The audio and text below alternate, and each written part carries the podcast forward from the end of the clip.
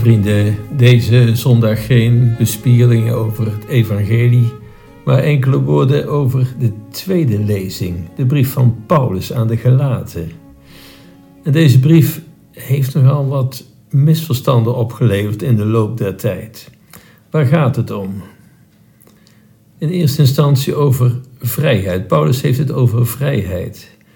Vrijheid is, is niet wat we in onze tijd vaak verstaan, doen en laten wat je wilt. Dat, dat is niet wat Paulus bedoelt.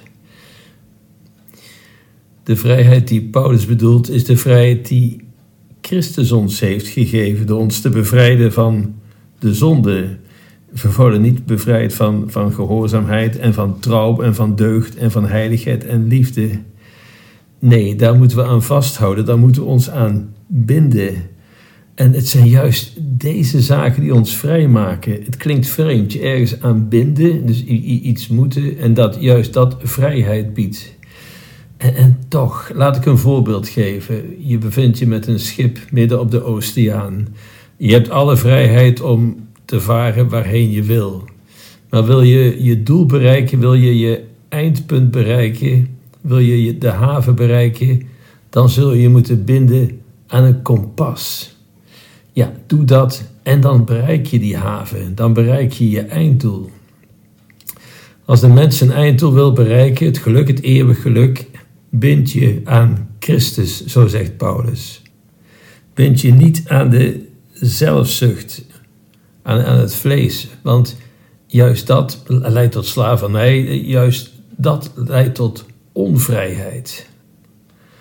Paulus heeft het over slavernij en dan, ja, slavernij eigenlijk aan de zonde. Hij, dat is voor hem een beetje hetzelfde woord. Zonde is een vorm van slavernij.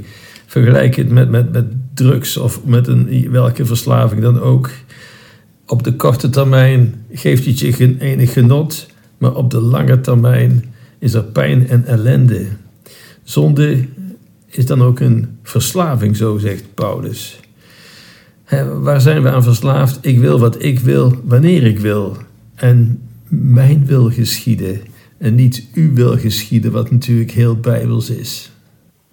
Het bijbelse begrip vrijheid, wat houdt dat in? Laat, laat ik het zo formuleren. Graag doen wat je eigenlijk zou moeten doen. Graag doen wat je eigenlijk zou moeten doen. Moeten, dat klinkt niet als vrijheid. En toch vraag het aan de heilige. Vraag het aan de moeder Theresa's van deze wereld. Perke Donders, Pater Damian. Enfin, u kent mijn rijtje onderhand wel. Die wisten wat hen te doen stond. Dat het niet altijd eenvoudig was. Maar ze wisten wel, dat brengt de mens het ware geluk. ik, ik, herhaal het wel vaak. zoek niet het geluk voor jezelf. Je zoekt je ongeluk als je je eigen wensen najaagt het is nooit genoeg of het bevredigt nooit, er is altijd dat gemis. Wat wel die bijbelse notie van vrijheid is, draag bij aan het geluk van anderen, wie het ook is. Doe dat. Dat doet anderen goed. En zo bereikt het levensgeluk, zo bekruipt het levensgeluk je eigen leven. Dat is die bijbelse begrip van vrijheid. En daar komt dus bij, ja, je opofferen voor een andere nederigheid, zachtmoedigheid, geduld, al dat soort bijbelse noties. En dan zullen we dat maar bereiken als we ook de wil hebben, de wil kunnen opbrengen, dat we er zelf nadrukkelijk voor kiezen. Het is een act van de wil, zou Thomas van Aquino zeggen. En dan een tweede begrip wat tot nogal misverstanden heeft geleid. Paulus maakt een, een, een tegenstelling tussen de geest en de zelfzucht. In andere taal is zelfzucht eerder vertaald met, met vlees. Het materiële, zeg maar. Maar als het gaat om de geest, dat moeten we niet misverstaan, gaat het niet om omgeest, maar om Gods geest, Gods heilige geest. De, menselijke geest, zowel van lichaam als ziel, ja, die is gevallen door de erfzonde aangetast en daardoor zelfzuchtig en zondig. Als we onze eigen geest, als we die volgen, als we die gehoorzamen, dat pakt slecht uit. En het is trouwens een slechte God met een kleine G om te volgen. Maar het is Gods heilige geest Het is die Heilige Geest van Jezus die we als onze gids mogen nemen. Het punt van het tegenover elkaar zetten door Paulus van de zelfzucht en de geest, oftewel het vlees en de geest, dat is niet bedoeld om al het materiële, al het zichtbare, al het tastbare, om dat maar weg te laten, te minachten en ons vooral op het geestelijke, op het spirituele te richten. Het klinkt vreemd, maar vergeet niet dat de duivel ook puur geest is. Um, en als vandaag de dag mensen zichzelf verdedigen als ze de kerk verlaten, dan horen we vaak van: ik ben wel spiritueel, maar niet religieus. Dat is niet best, want dat is eigenlijk hetzelfde als wat de duivel zegt. Geestelijk zijn is niet hetzelfde als, als goed zijn of heilig zijn. Het katholieke christendom is niet spiritueel in tegenstelling tot het, het, materiële. Dat, dat is het, eerder het tegendeel. Wij keuren het geestelijke, het materiële, het tastbare, dat, dat disqualificeren we niet als slecht. Integendeel, het is gecreëerd door God. Om die reden is het al goed. En vergeet niet, Jezus is zelf God die geïncarneerd is, eh, die mens is geworden, letterlijk met lichaam en bloed, zoals dat van elke mens is, om ons te verlossen. En hij heeft ook een zichtbare kerk geschapen. En denk aan de zichtbare tekenen zoals de sacramenten. Nee, het is niet zo, het geestelijke is goed en het materiële is slecht. Dat, dat is dualisme wat de kerk nooit heeft aanvaard. We geloven in de zichtbare kerk omdat we in Christus geloven, die de kerk heeft gewild.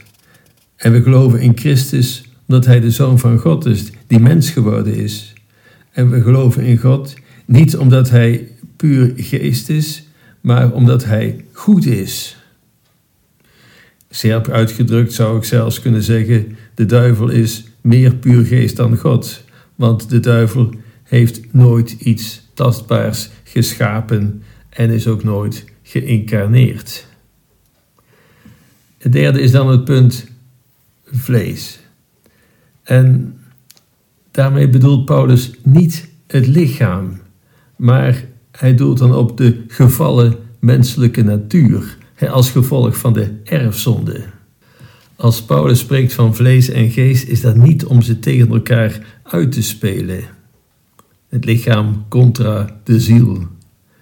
Maar het gaat om de tegenstelling, om het contrast tussen eh, de strijd tussen de oude natuur, zowel van lichaam als geest overigens, en de nieuwe natuur, zowel van lichaam en geest. Oftewel tussen hetgeen we van Adam hebben overgeorven en wat we hebben verworven door Christus.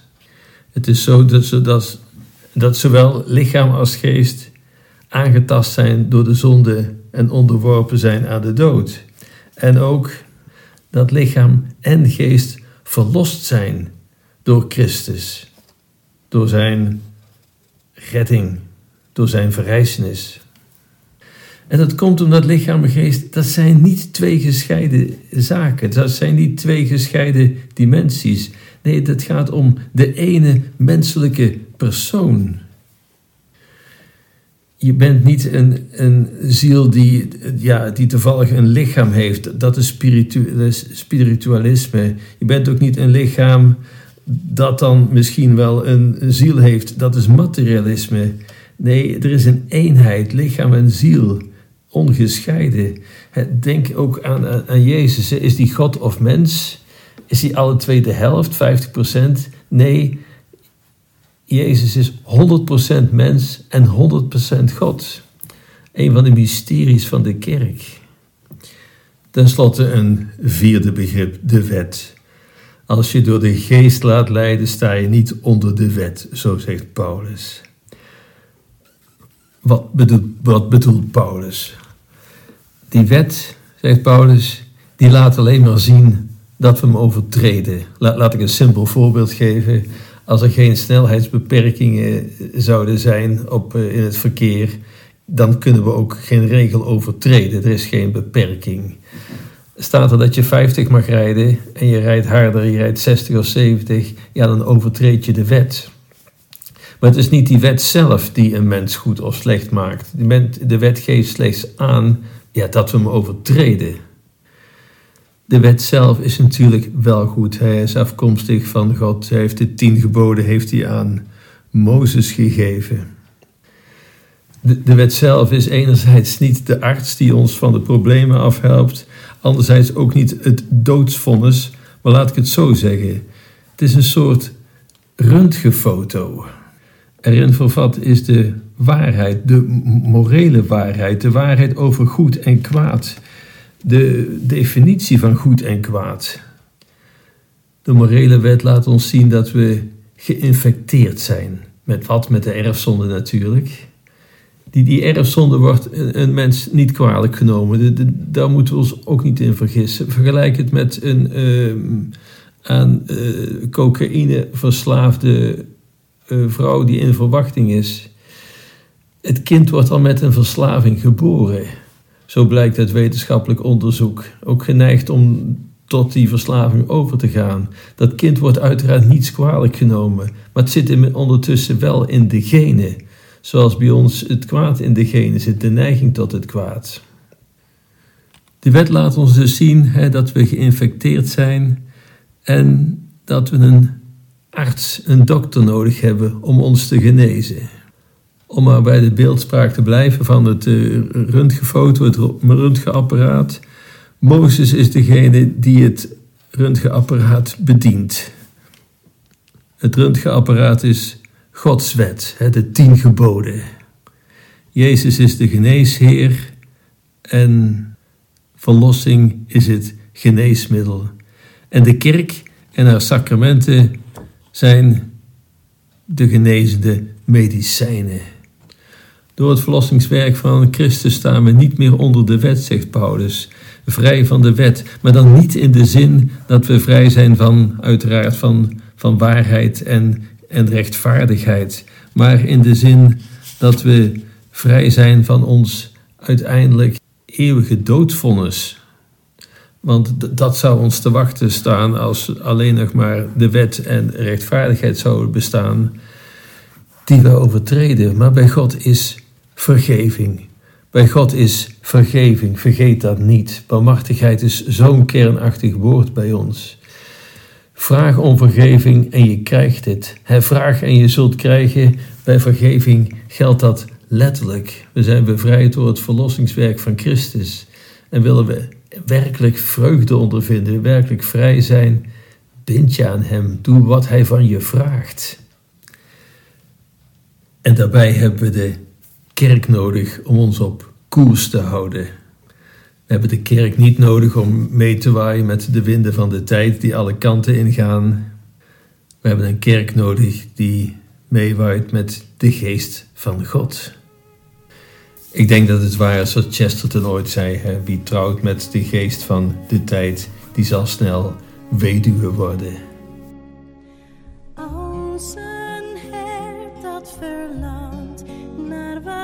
So over. Love